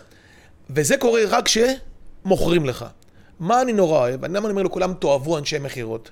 כי שום דבר טוב לא קרה ביקום בלי שמכרו לך משהו. כל דבר טוב, הדירה הזאת מישהו מכר לך אותה, הפודקאסט הזה מישהו מכר לך אותו. מכירות זה סם, זה, זה דבר שמגלגל את החיים. עכשיו אני אומר לאותם אנשים שאמרו כרגע את הדבר הזה של איך עושים פליפים, לכו תלמדו פליפים, לי אין לי קורס כזה אפילו, כן, זה לא... אבל לכו תקראו ספר על פליפים, לכו תבינו, לכו עכשיו לעשרה קבלנים, איך רוברט קיוסקי אומר, תיתן 100, 10, 1. לך תראה 100 נכסים, תציע 10 הצעות, תיקח אחד. לכו תראו. דרך אגב, נורא פשוט, אתה בא לקבלן, עושה לך פרזנטציה, זרוק לו איזה מחיר שאתה חוזה. אם הוא חוזר אליך, טוב, אם הוא לא חוזר אליך, לא קרה כלום. עכשיו, אתה תראה שרוב האנשים שישמעו אותי, יקשיבו לי, לא יעשו פעולה. שעל זה אני צריך עוד אה, לעבוד על עצמי יותר טוב, לגרום להם... ש... אני תמיד אומר, לי היה חלום לתת לכל ילד שלי דירה. כי כנראה, אתה יודע, זה ישב על משהו שאני לא היה לי, אני, אני תמיד אומר, הגיל הכי טוב לעזור לילדים זה גילי 20 עד 30. זה מה שאני רוצה לעזור לילדים שלי. ויש לי כבר ילד בן 22, עוד מעט 23, ואני אומר לעצמי, ההורים שלי לא יכלו לעזור לי מגילי 20 עד 30. ואני חושב שזה גיל קריטי. עכשיו, חלק, עכשיו צעירים, לא, לא, קשה להם להבין מה זה... כשאני מסוגל לתת את הילדים שלי בגיל 20 עד 30 את העזרה, זו מבחינתי ההצלחה. אם אני המנטור של הילדים שלי, ואני הצלחתי לתת להם את ה... להרים אותם על הרגליים בגילאים הכי קשים, זאת ההצלחה הכי גדולה של החיים שלי. וזה אנשים לא עושים. מילה, מילה על תוכנית עסקית. מה, מה זה תוכנית עסקית? מה, מה, איך עסק... כי יש הרבה עסקים שאין להם אה, לא תמונה מנצחת ולא תוכנית עסקית. תן כן. מילה רגע על מה זה תוכנית עסקית. יותר מדי עסקים צעירים, אין להם תוכנית. הדוגמה הכי טובה שאני יכול לתת לך. זה זוג צעיר שרוצה להתחתן. Mm-hmm. אתה יודע, זוג צעיר שרוצה להתחתן, נגיד גאיה, אוקיי, שהתחתנה עם דוד, מבטיח לך, היא ידעה בחתונה שלה, כל פיפס מה הולך להיות. מתי היונים יופרחו, איזה צבע המפיות, ואני עוד לא ראיתי חתונה שנפלה. ואני מבטיח לך שגאיה ידעה איפה האורח נכנס, איפה הוא מתיישב, מי מתיישב ליד מי, mm-hmm. מה יהיה הבופה, הכל היא יודעת. אז בגלל שיש תוכנית עסקית, 95% מהחתונות מצליחות. דרך אגב, תשאל את הקלות, 95% מהאנשים שהתחתנו יגידו לך, החתונה שלי הייתה הכי טובה. Mm-hmm. כי הם תכננו אותה שנה, הם, הם, הזוג הזה תכנן שנה ארבע שעות. ואני אומר לעצמי, כוס אוכטו, לא תשבו ארבע שעות לתכנן את כל החיים אחר כך, זו תוכנית עסקית. כשאני מסתכל היום על החיים שלי, אתה יודע, בגיל 40, אה, אה, אמרתי לעצמי, הלכתי לקרן ואמרתי לה, תקשיבי, ממי, אנחנו בונים עכשיו את תוכנית הפרישה שלנו. הלכנו ליועץ פרישה, אה, בחורה מדהימה, שהיום היא שותפה שלי, הלכנו, ל... הלכנו, יצאנו תוכנית פרישה. בדקנו כמה נדל"ן אנחנו צריכים למכור, טה-טה-טה-טה-טה, אז היה לי חלום, רציתי לפרוש בגיל 60. היום אני לא רוצה לפרוש, כן? אבל פעם רציתי בגיל 60 לפרוש. אה, את שאל אותי למה רציתי, רציתי, לה... היום אני רק רוצה שכל החיים רק אני אוכל להמשיך לעשות מה שאני אוהב, וטוב לי ואני מאושר עם זה, כי אני יודע לשלב את הכל. אבל בנינו תוכנית לפרישה לגיל 60. Mm-hmm. איך הנדל"ן יתפוס ערך, מה נמכור, מה נעשה. כי ידענו אז, בזמנו, אמרנו לעצמנו מה ה-X הכסף שאנחנו רוצים כדי לחיות ברווחה כלכלית בגיל 60, אה, אוקיי? עכשיו תסתכל. פתאום גילינו בתוך הדבר הזה, שאנשים, יחד עם, ה, יחד עם מי שעשתה לנו את התוכנית פרישה הזאת, גילינו שאנחנו חוסכים כסף לכל מיני דברים מטומטמים. כי לימדו אותנו, דן חסכן וכל מיני, אתה יודע, היינו עם הקופות האלה בתור ילדים. הבנקים, כאילו מי שעשה לי זה, הרדים אותי וגרם לי להשקיע כספים במקומות, ואני אומר לך, לא שקל ולא שניים, אלפי שקלים, שהבנק הרדים אותי. והיא הראתה לי, תגיד לי, ניר, אתה, אתה נורמלי? אתה חוסך פה לאיזה גיל משהו, קח את הכסף הזה, בוא תקנה איתו נדל"ן. במקום להשקיע עכשיו אלפי שקלים בחודש, או 500 שקל בחודש, או 1,000 שקל בחודש, mm-hmm. תשקיע בשיווק, תשקיע בעסק שלך, תשקיע בנדל"ן. ואתה רואה שהרבה מאוד אנשים, בגלל שהם לא מבינים את הדבר הזה, הם לא מבינים את החוקי המשחק הפיננסיים, אין. תשמע, מהרגע שאני וקרן עשינו בגיל 40, אני אומר לך, את התוכנית פרישה, אני לא יכול להסביר לך כאילו איזה שקט נוצר לי בחיים. כי היה לי ברור שבגיל 60, אני יודע מה איקס הנדל"ן שיהיה לי, מה תהיה ההכנסה הפסיבית. עכשיו, ישבתי, לקחתי מתכננת פרישה, לא אני, ובנינו את זה ביחד איתה. ואז אני רושם בפרטים, מתי אני קונה, מה אני מוכר, איך אני עושה פליפים, מה אני משחק. דרך אגב, כל הנדלן שלי תמיד מפורסם למכירה. אפרופו זה, כי תמיד אני מייצר אסטרטגיה ולא טקטיקה. אין לי עסק אחד שהוא לא למכירה, חוץ מעסקים שהם העסקים שאני נושם אותם, אבל ריבר או נדל"ן, תמיד למכירה. תמיד יבוא איזה מישהו שירצה, קח. תמיד יבוא מישהו עם מחיר טוב, הכל מפורסם, כל הדירות, כל המגרשים, הכל מפורסם. אתה לא יודע מי לחוץ פתאום על איזה מגרש ורוצה ואני יכול לעשות פליפ ולקנות ולמכור. כי מהאסטרטגיה אני עושה הרבה יותר כסף מטקטיקה. רוב האנשים פשוט לא עושים אסטרטגיות, עושים רק טקטיקה, וזאת התוכנית. תוכנית עסקית... מה שאתה אומר, מה שאתה אומר, קודם כל, אני מדבר עכשיו על עסקים, קודם כל שיהיה לי מטרה, שיהיה לי חלום, שיהיה לי חזון או משהו מוגדר. אמרת, דוגמה, אני בגיל 60 רוצה לפעול, אוקיי. כתוב. אוקיי. ואז מה אני צריך לעשות? ואז תוכנית כתובה. כתוב. ואז לבצע. ו-KPI. בוא נדבר על KPI, בוא נדבר על יעדים, מדדים, תסביר רגע כל... מה זה, ולמה כל עסק צריך יעדים ומדדים, ואיזה מהם הכי חשוב. קודם כל, אני חושב שכל בן אדם הוא עסק, אז אני, אני יכול לדבר על עסקים, אבל אני חושב שאני אומר לילד שלי, הילד שלי לומד מתמטיקה, בסדר? הוא, הוא מסיים תואר ראשון במתמטיקה, זה לא חשוב, אני אומר לו גם הוא, mm-hmm. מה ה-KPI שלך, מה, בוא נדבר במספרים, מה, מה אתה רוצה להפיק מהחיים, כי בסוף... Mm-hmm.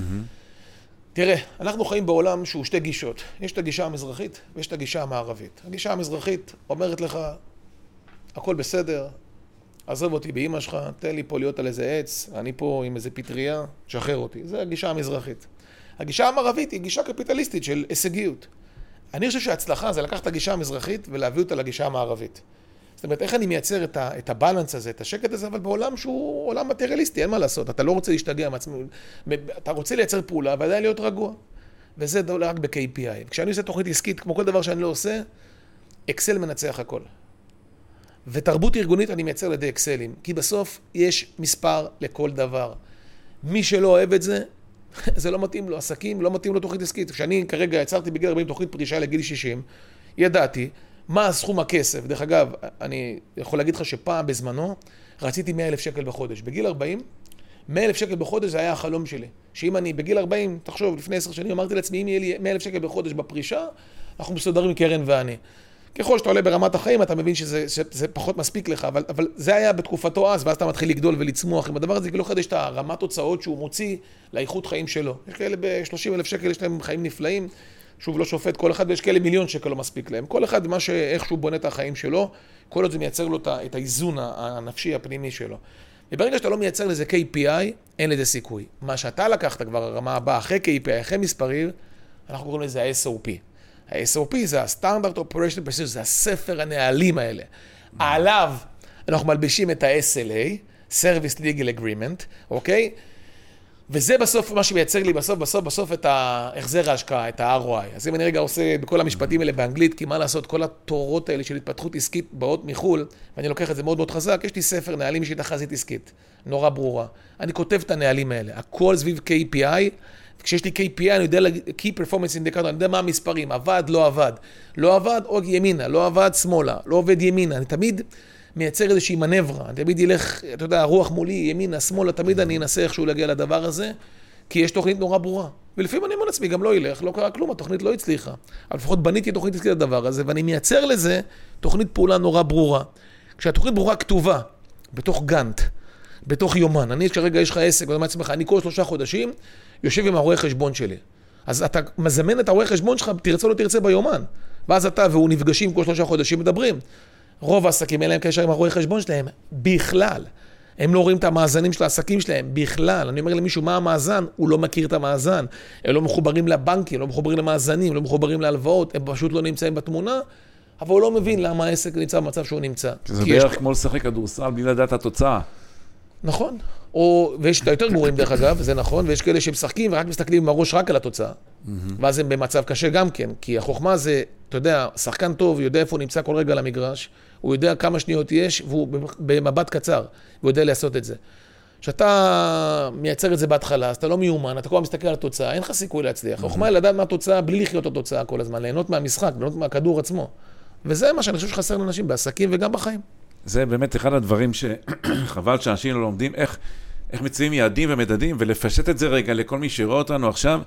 יש לנו תמונה מנצחת, בתוך התמונה המנצחת יש לנו יעדים בעצם, לאן אנחנו רוצים להגיע, ותמיד על כל יעד צריך לשאול איך אני אדע שזה קרה, וזה המדד. איך אני אדע? כי המדד יכול להיות רווח, המדד יכול להיות גודל שוק, המדד יכול להיות אה, אה, הכנסה, יש כל מיני סוגים של מדדים, אבל... אגב, אחד המדדים הכי גדולים שלי, אני לא יודע אם אתה יודע את זה, זה זמן איכות שלי עם אשתי. אוקיי, אז הנה, זה, זה מדד שנגדר מיד. היעד למשל הוא חיי משפחה טובים או זוגיות טובה. למשל, קרן אז ואני... אז המדד הוא כמה זמן אני נמצא עם אשתי. קרן ואני למשל, על בסיס קבוע, תמיד, יש לנו שתי חופשות ביומן, תמיד מראש. סיימנו חופשה, יש עוד חופשה. חופשה אחת עם הילדים, חופשה אחת לבד. וזה תמיד נמצא בעוגנים ביומן שלנו, קבוע. אני יכול להגיד לך מתי אני נוסע לגיאורגיה, מתי אני בדובאי, מתי אני באילת. עכשיו, כרגע. יש לנו כרגע שלוש טיסות קדימה, אוקיי? אחת דובאי, אחת אה, גיאורגיה ואחת אילת. אחד עם הילדים ואחד הזוגיות. כי אני שילמתי מחיר נורא יקר בחיים שלי על זה שלא הבנתי את התרגילים האלה, למשל את האימונים האלה, הזוגיים. אז קרן ואני, בגלל שאני כבר שילמתי מחיר מאוד יקר בחיים שלי על זה שאני לא הייתי מספיק אה, פנוי ברמה הזוגית וברמה הרגשית, וזה ה-COI, Cost of Inaction, שתמיד חשבתי על ROI ולא חשבתי על COI, אז היום קרן ואני, אין מה לעשות, אנחנו... למשל, ימי חמישי, זה קדוש, זה יום קדוש אצלי. אז זה... רגע, בוא, אתה, אתה מדבר עכשיו על נושא שהוא מאוד חשוב. אני רוצה רגע, שת... א', תספר באמת אצלך כמו שהתחלת, וב', אולי תיתן את הכלל. זה על שגרה, מה השגרות של מצליחן, ומה השגרות של בעל עסקים מצליח, כי זה חלק מהדברים שאנשים לא יודעים. דיברת אתה עכשיו, גם זה, זה שיטה, זה קבוע, ו... והיית צריך לעבור הרבה בשביל להגיע לזה. איזה שגרה אתה ממליץ ל... ל... אה, אדם מצליח ועסק מצליח, כי זה שגרות שונות. יש כן. שגרה עסקית ויש שגרה אישית, שגרה זוגית. התחומים החשובים בחיים, האישי, זוגי ועסק. אני חושב שאתה נוגע באחת הנקודות הכי חשובות שיש, שגרות. ואני חושב שתרבות ארגונית היא, היא נגזרת של, של שגרות. אה, מי שמכיר את הדרך שבה אני עובד, יש לי ישיבות קבועות עם אנשים. ואז הם יודעים, אין מה לעשות, יש דוחות, הכל הכל לפי אז דוחות. אז התחלת רגע שגרה עסקית, אז, אז איזה שגרה עסקית היא בריאה? מבחינתי, יש לי, אני, יש לי איזה סדנאות שלמות על איך אני מנהל את עצמי בתוך מרחב הזמן. Mm-hmm. אז למשל, איך, מתי אני עושה P&L, מתי אני עושה משכורות, מתי אני עושה דוחות. הגאנט שלי, מי שמכיר אותי, אני אתן לך את זה בדקה. יש לי גאנט חודשי, אוקיי? הוא גאנט שנתי, גאנט חודשי. בגאנט החודשי, קודם כל אני מכניס את הזמני איכות של ניר עם ניר. למשל, האימונים שלי, אף אחד לא נוגע בהם. Mm-hmm. אני קם מוקדם בבוקר, אני יודע שיש לי את השעות אימון שלי, אני יודע שיש לי פעם בשבוע ככה. זאת אומרת, שלוש פעמים בשבוע אני בעולמות של ניר עם ניר. ולא מכניס משהו אחר. Mm-hmm. ימי חמישי, קבוע, זה זמן שלי עם קרן. אני מסיים מוקדם, וכל יום חמישי בערב אנחנו בזוגות, יציאות, עושים את מה שצריך. יום בשבוע, מבחינתי זה יום קדוש לילדים, בדרך כלל ימי שלישי. Mm-hmm. אני מגיע מוקדם. דרך אגב, זה קרה לי לצערי רק אחרי שהתגרשתי. Mm-hmm. אני בפרק א' שלי לא עשיתי את הדברים האלה, לא עם גרושתי ולא עם הילדים. כשהתגרשתי, פתאום מצאתי זמן בימי שלישי. אל תשאל אותי איך, פתאום כולם מוצאים זמן. אחרי שמשלם מחיר, פתאום מצאתי מלא זמן. שילמתי מחיר נורא יקר, כי, כי אני תמיד אומר, זה הכישלון הכי גדול של החיים שלי. הגירושים שלי, אני חווה אותם בתור משהו מאוד מאוד קשה עד היום. הוא מאוד מאוד לוקאלי, הסיפור הזה. כי, אתה יודע, שני ילדים שלך, לתת לגבר אחר לגדל אותם, זה לא דבר קל. אתה יודע, זה הפספוס, אני חושב, הכי גדול בחיים שלי, שאני מייצר את זה, שיצרתי את זה. אז כדי שזה ה-COI, שזה לא יקרה, אותו דבר אני מסתכל על עסקים. רק לתרגם רגע מה שאמרת, זה עוד משהו, אני חושב שאנשים מצליחים. אמרת הכישלון שאני יצרתי, זאת אומרת, אתה יכול לקבל אחריות ולא... אני יצרתי. לזרוק את האחריות, אבל תמשיך. אני יצרתי. המיקוד שליטה שלי פנימי לחלוטין. אני חושב שאם אני חוזר היום אחורה, הייתי עושה דברים שונה לגמרי. אנשים אומרים, אם אני חוזר אחורה, אני עושה הכל אותו דבר. וואי, אני חייב לשאול אותך על זה, ואז תמשיך עם השגרה. מה, אם עכשיו היה לך את העשר שנים, עשר שנים אחורה, התפתחת מאוד, הצלחת מאוד, יש, מה היית עושה אחרת? יש איזה דבר אחד או שניים שהיית עושה אחרת? אתה יודע, הייתי בסדנה, אתה מכיר את בנדלר. את? ריצ'רד בנדלר. בטח. אז הייתי בסדנה שלו ב- בלונדון, של NLP. כן, וואלה, וואלה, גם אני הייתי. כן. אבל לא באותה סדנה כנראה. לא, שבוע. סדנה כזאת של חמישה... כן. זה. ואתה יודע, היית אומר לי פעם דמיון מודרך, הייתי אומר לך, לא, סע קדימה, איזה דמיון מודרך, תשחרר אותי, תן כבר לקנות, למכור, להזיז. אבל נכנסתי לסדנה, ותכף תראה איך זה קשור לשאלה שלך, ובסדנה כאילו... יש אה, מוזיקה רגועה, אתה יודע, הוא נכנס לך דמיון מודרך, והוא אומר לך, תרגיל נורא ידוע, כן? הוא מכניס את ניר, ניר היום לניר, הוא אומר לך, תחזור לאיזשהו צומת בחיים שלך. תחזור לאיזושהי נקודה בקריירה שלך. איזה נקודה חזרת? אחורה, איפה שאתה רוצה, תחזור לאיזה גיל, למה הגעת לנקודה הזאת, ומה ניר הגדול של היום אומר לניר בזמן, באותו זמן. ושם ירד לי אסימון מטורף בסדנה. כמובן עושים את זה עם אה, מוזיקה ורגוע וכמו שצריך, זה, זה הזמן להכניס כאן מוזיקה אם אתם רוצים, שיהיה לכם זה, שיהיה לכם כמו שצריך בזה. ואז, אה, ואז אני חוזר לגיל 14, 14 וחצי. גיל 14 וחצי, ההורים שלי לא ידעו מה לעשות איתי. אה, האחי הגדול יצא מהארון, וההורים שלי לא ידעו איך לאכול את זה. זאת אומרת, ההורים שלי לא ידעו איך לאכול את הדבר הזה. הוא בוגר ממך? הוא בוגר ממני בארבע שנים, חמש שנים, הוא יצא מהארון, תחשוב, לצאת מהארון בקריות לפני 40 שנה. זה לא, עכשיו אבא שלי הוא איש שייטת 13. אז קח את האיש שייטת 13, ואימא שלי רומניה עם הרבה מאוד כבוד. עכשיו, אתה יודע, מה עושים? עכשיו, הילד הקטן, ניר, אבילדה חיה, שחקן כדוריד, כל היום עם כדור ביד, מה עושים? לא מסתדר איתו, בית ספר לא טוב לו. לא? לקחו את מה שאני אוהב, שמו אותי בפנימיה. באיזה פנימיה? פנימיה צבאית, בקציני המאקו. אמרו, רק זה, רק זה יכול לעצור. עכשיו, אני רע לי בחיים ברמות של... אה, אה, קשה להסביר, אני אף פעם לא יודע אם זה היה רמות אה, של, של, לא רוצה לדבר במונחים יותר מדי קריטיים, אבל קרדינליים, אבל מאוד מאוד לא טוב לי. ואני יושב שם על האבנים, עכשיו זה, אתה יודע, אני במוזיקה והכול, ואני חוזר לנקודה הזאת, ואני יושב על האבנים שם, ואני זורק אבנים לים. בתוך המזח הזה, בקציני המאקו. אתה עשית שם חובלים. כן. איפה שעשית חובלים, כן, אז במזח... לא, אני לא ידעתי סיפור, אז אני עכשיו רואה את זה, כן. איפה שעשית חובלים, איפה שעשית את הקורס, במגרש כדורגל, כן, נכון כן. שעשית, אז שם יש... רצתי הרבה שם, כן. בדיוק, אז המזח שם, אני יושב על המזח, תחשוב, אני מדמיין את זה. וזה סיפור אמיתי, הייתי ישבתי על המזח הזה בלילות, הייתי בורח מהמיטה ב-11-12 בלילה, יושב ובדיכאון שכאילו, רוצה כדור, רוצה להיות עם החבר'ה, מה זה הפנימייה הצבאית הזאת, ואתה יודע, נעליים צבאיות וכל הדבר הזה, ולא הבנתי מה אני רוצה. ואז ניר הגדול בא לניר הקטן, ואומר לו, תשמע ניר, אני רוצה לך טיפ אחד. בחיים שלך, כל פעם שמישהו ינסה להכניס אותך למסגרת, לא יהיה לך טוב בחיים. כל פעם שאתה תבנה את המסגרת, יהיה לך טוב בחיים. לא נולדת להיות מובל, נולדת להוביל. לך בחיים שלך, לכל מקום, אל תיתן שמישהו יוביל אותך, כי אתה לא יכול להיות second best. אתה צריך להוביל, אתה צריך להנהיג. כשאתה תנהיג, אתה תהיה מוכן לבנות מסגרות, אתה יכול לבנות מסגרות. כל עוד אתה תהיה בפרונט, אתה תצליח. ותשמע, בום, שמה, ב-NLP הזה יצאתי החוצה. בום. אני אומר לך, אלון, לא יכולתי להמשיך את הסדנה. לא יכולתי להמשיך את הסדנה, יצאתי החוצה. אה, לא היה לי אוויר, לא, אתה יודע, לא יכולתי לנשום, אמרתי לעצמי, כמה שנים יכולתי לחסוך מהחיים שלי, אם בהרבה מאוד מקומות בחיים שלי פשוט הייתי מוביל ולא מובל. כי פשוט אני יודע לבנות מסגרות בצורה מדהימה. בהומס פלייס היה לי נורא נורא קשה עם הדירקטוריונים והבעלים. הייתי טוב, אבל היה לי נורא קשה אה, לקבל את המרות הזאת. עשיתי דברים מדהימים, אבל זה עלה לי בבריאות, כי ראיתי דברים שהם עושים לא נכון, ורציתי בדרך שלי, והיה פוליטיקה ארגונית, והיה לי שם כל מיני דברים כאלה, עם המון המון חיכוכים בהנהלה ופוליטיקות, ואני לא טוב בפוליטיקות, כי אני מאוד, what you see it's what you get, ואין לי ממש עצמות בלשון, כי אני אומר הכל, אז...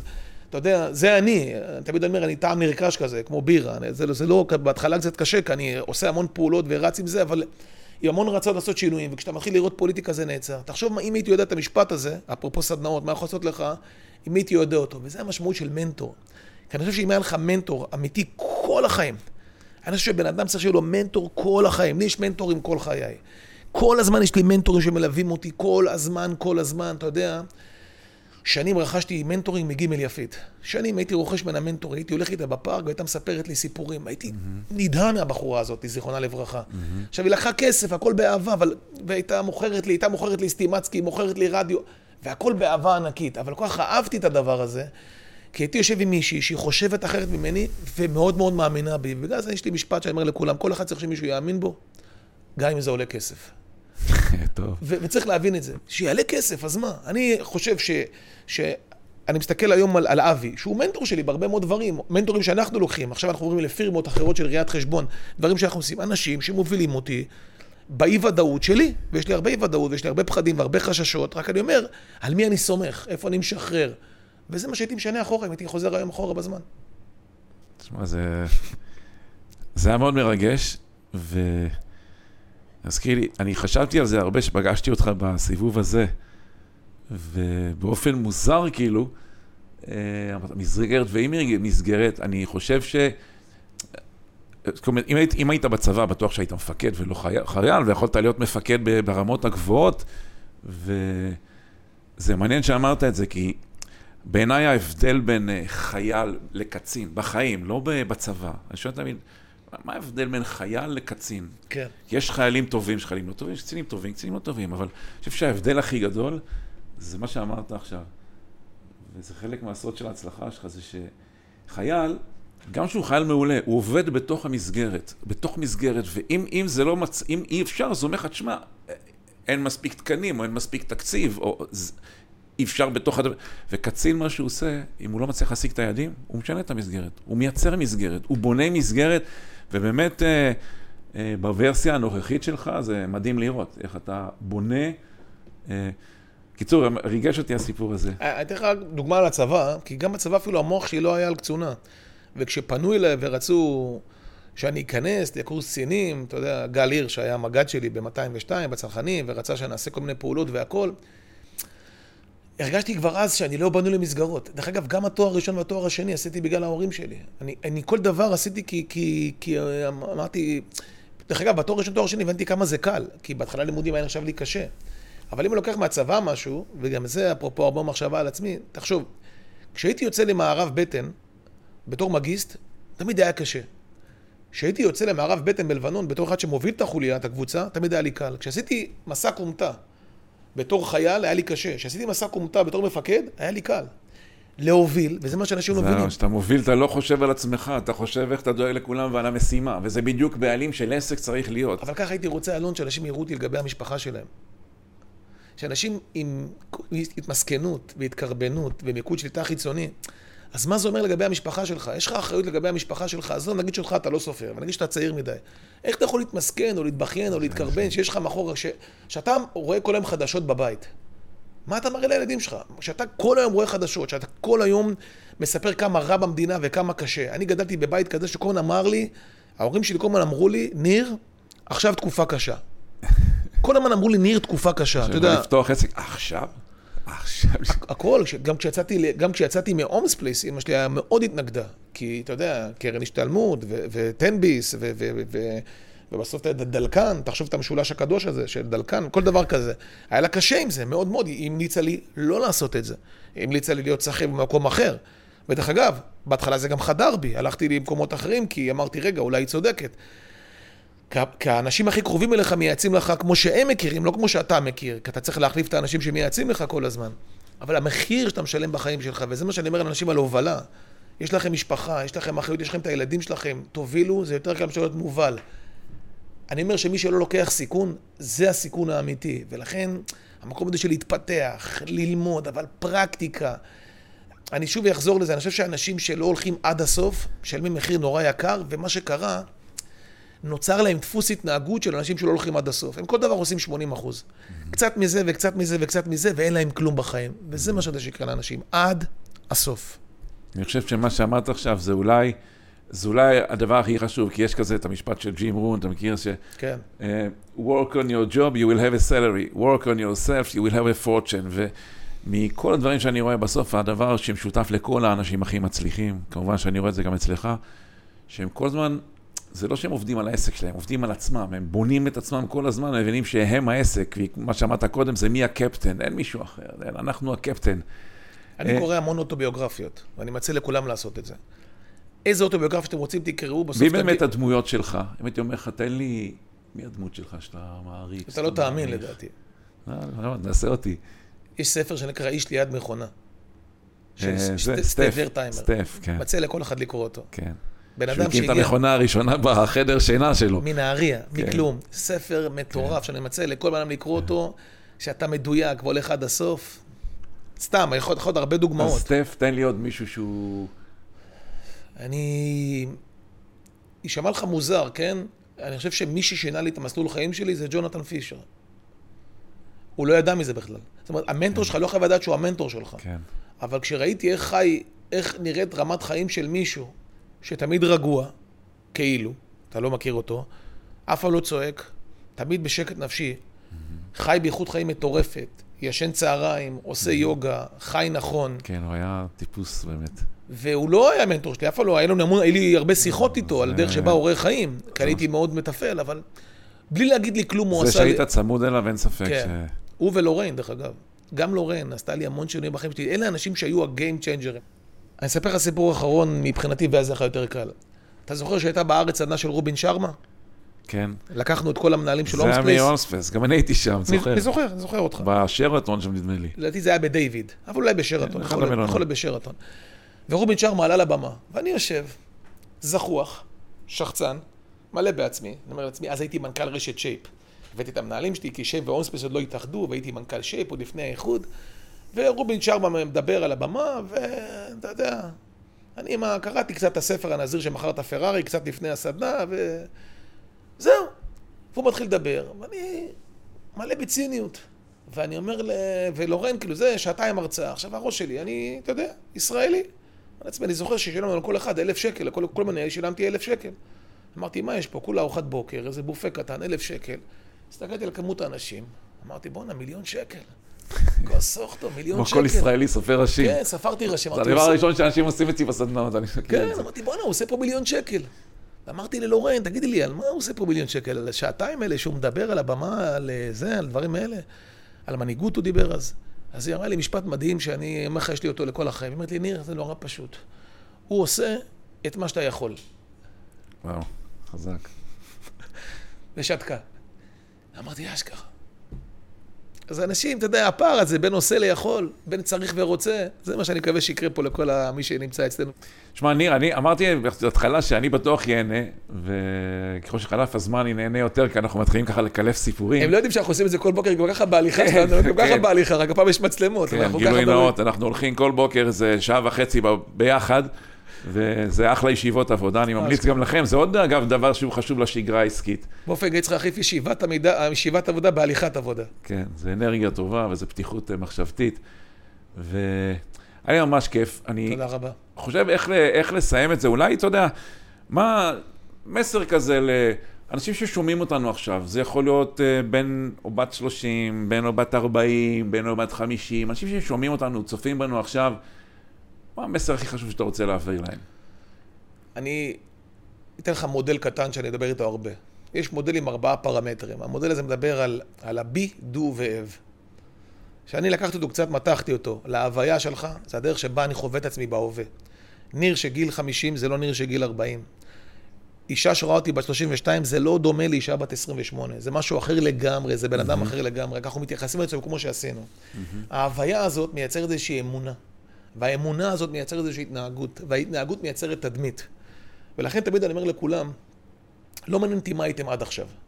מעניין אותי מה תהיו מעכשיו. ומה שאני אומר לכולם זה שאנשים שלקחו אותך עד לפה, זה לא אותם אנשים שיקחו אותך מפה. אז אם הצלחנו בפודקאסט יחסית קצר לגרום לאנשים להבין שמה שהם הגיעו עד לפה זה לא חשוב, מה הם יעשו פעולות מפה, הפרקטיקה זה הכי מעניין אותי. אז באמת, היה לי מדהים, אני מקווה שגם לכם, ולקחתם מלא ערך. המשפט שעכשיו קופץ לי לראש ככה עם כל מה שדיברנו פה, זה תשקיעו בעצמכם, תשקיעו בעצמכם, תשקיעו בעצמכם, עד שכולם ירצו להשקיע בכם. אני חושב שזה מה שקורה לך היום. משפט מדהים. וניר, תודה, היה מה זה כיף. אנחנו נמשיך את השיחות שלנו מחוץ למצלמה, חבל שהיה לנו מצלמה שאנחנו עושים את האימוני בוקר. אושר גדול, תודה כיף. רבה. חברים, אם נהניתם, אל תהיו אגואיסטים. תפיצו לכל החברים שלכם, תעשו לייקים, אתם מוזמנים לכתוב לי ולניר באינסטגרם, בפייסבוק, בכל המקומות שאתם יכולים לתקשר איתנו, מה אהבתם, איזה שאלות יש לכם, ותהיו אנשים טובים, תחיו בעוצמה, תעשו טוב. אמן.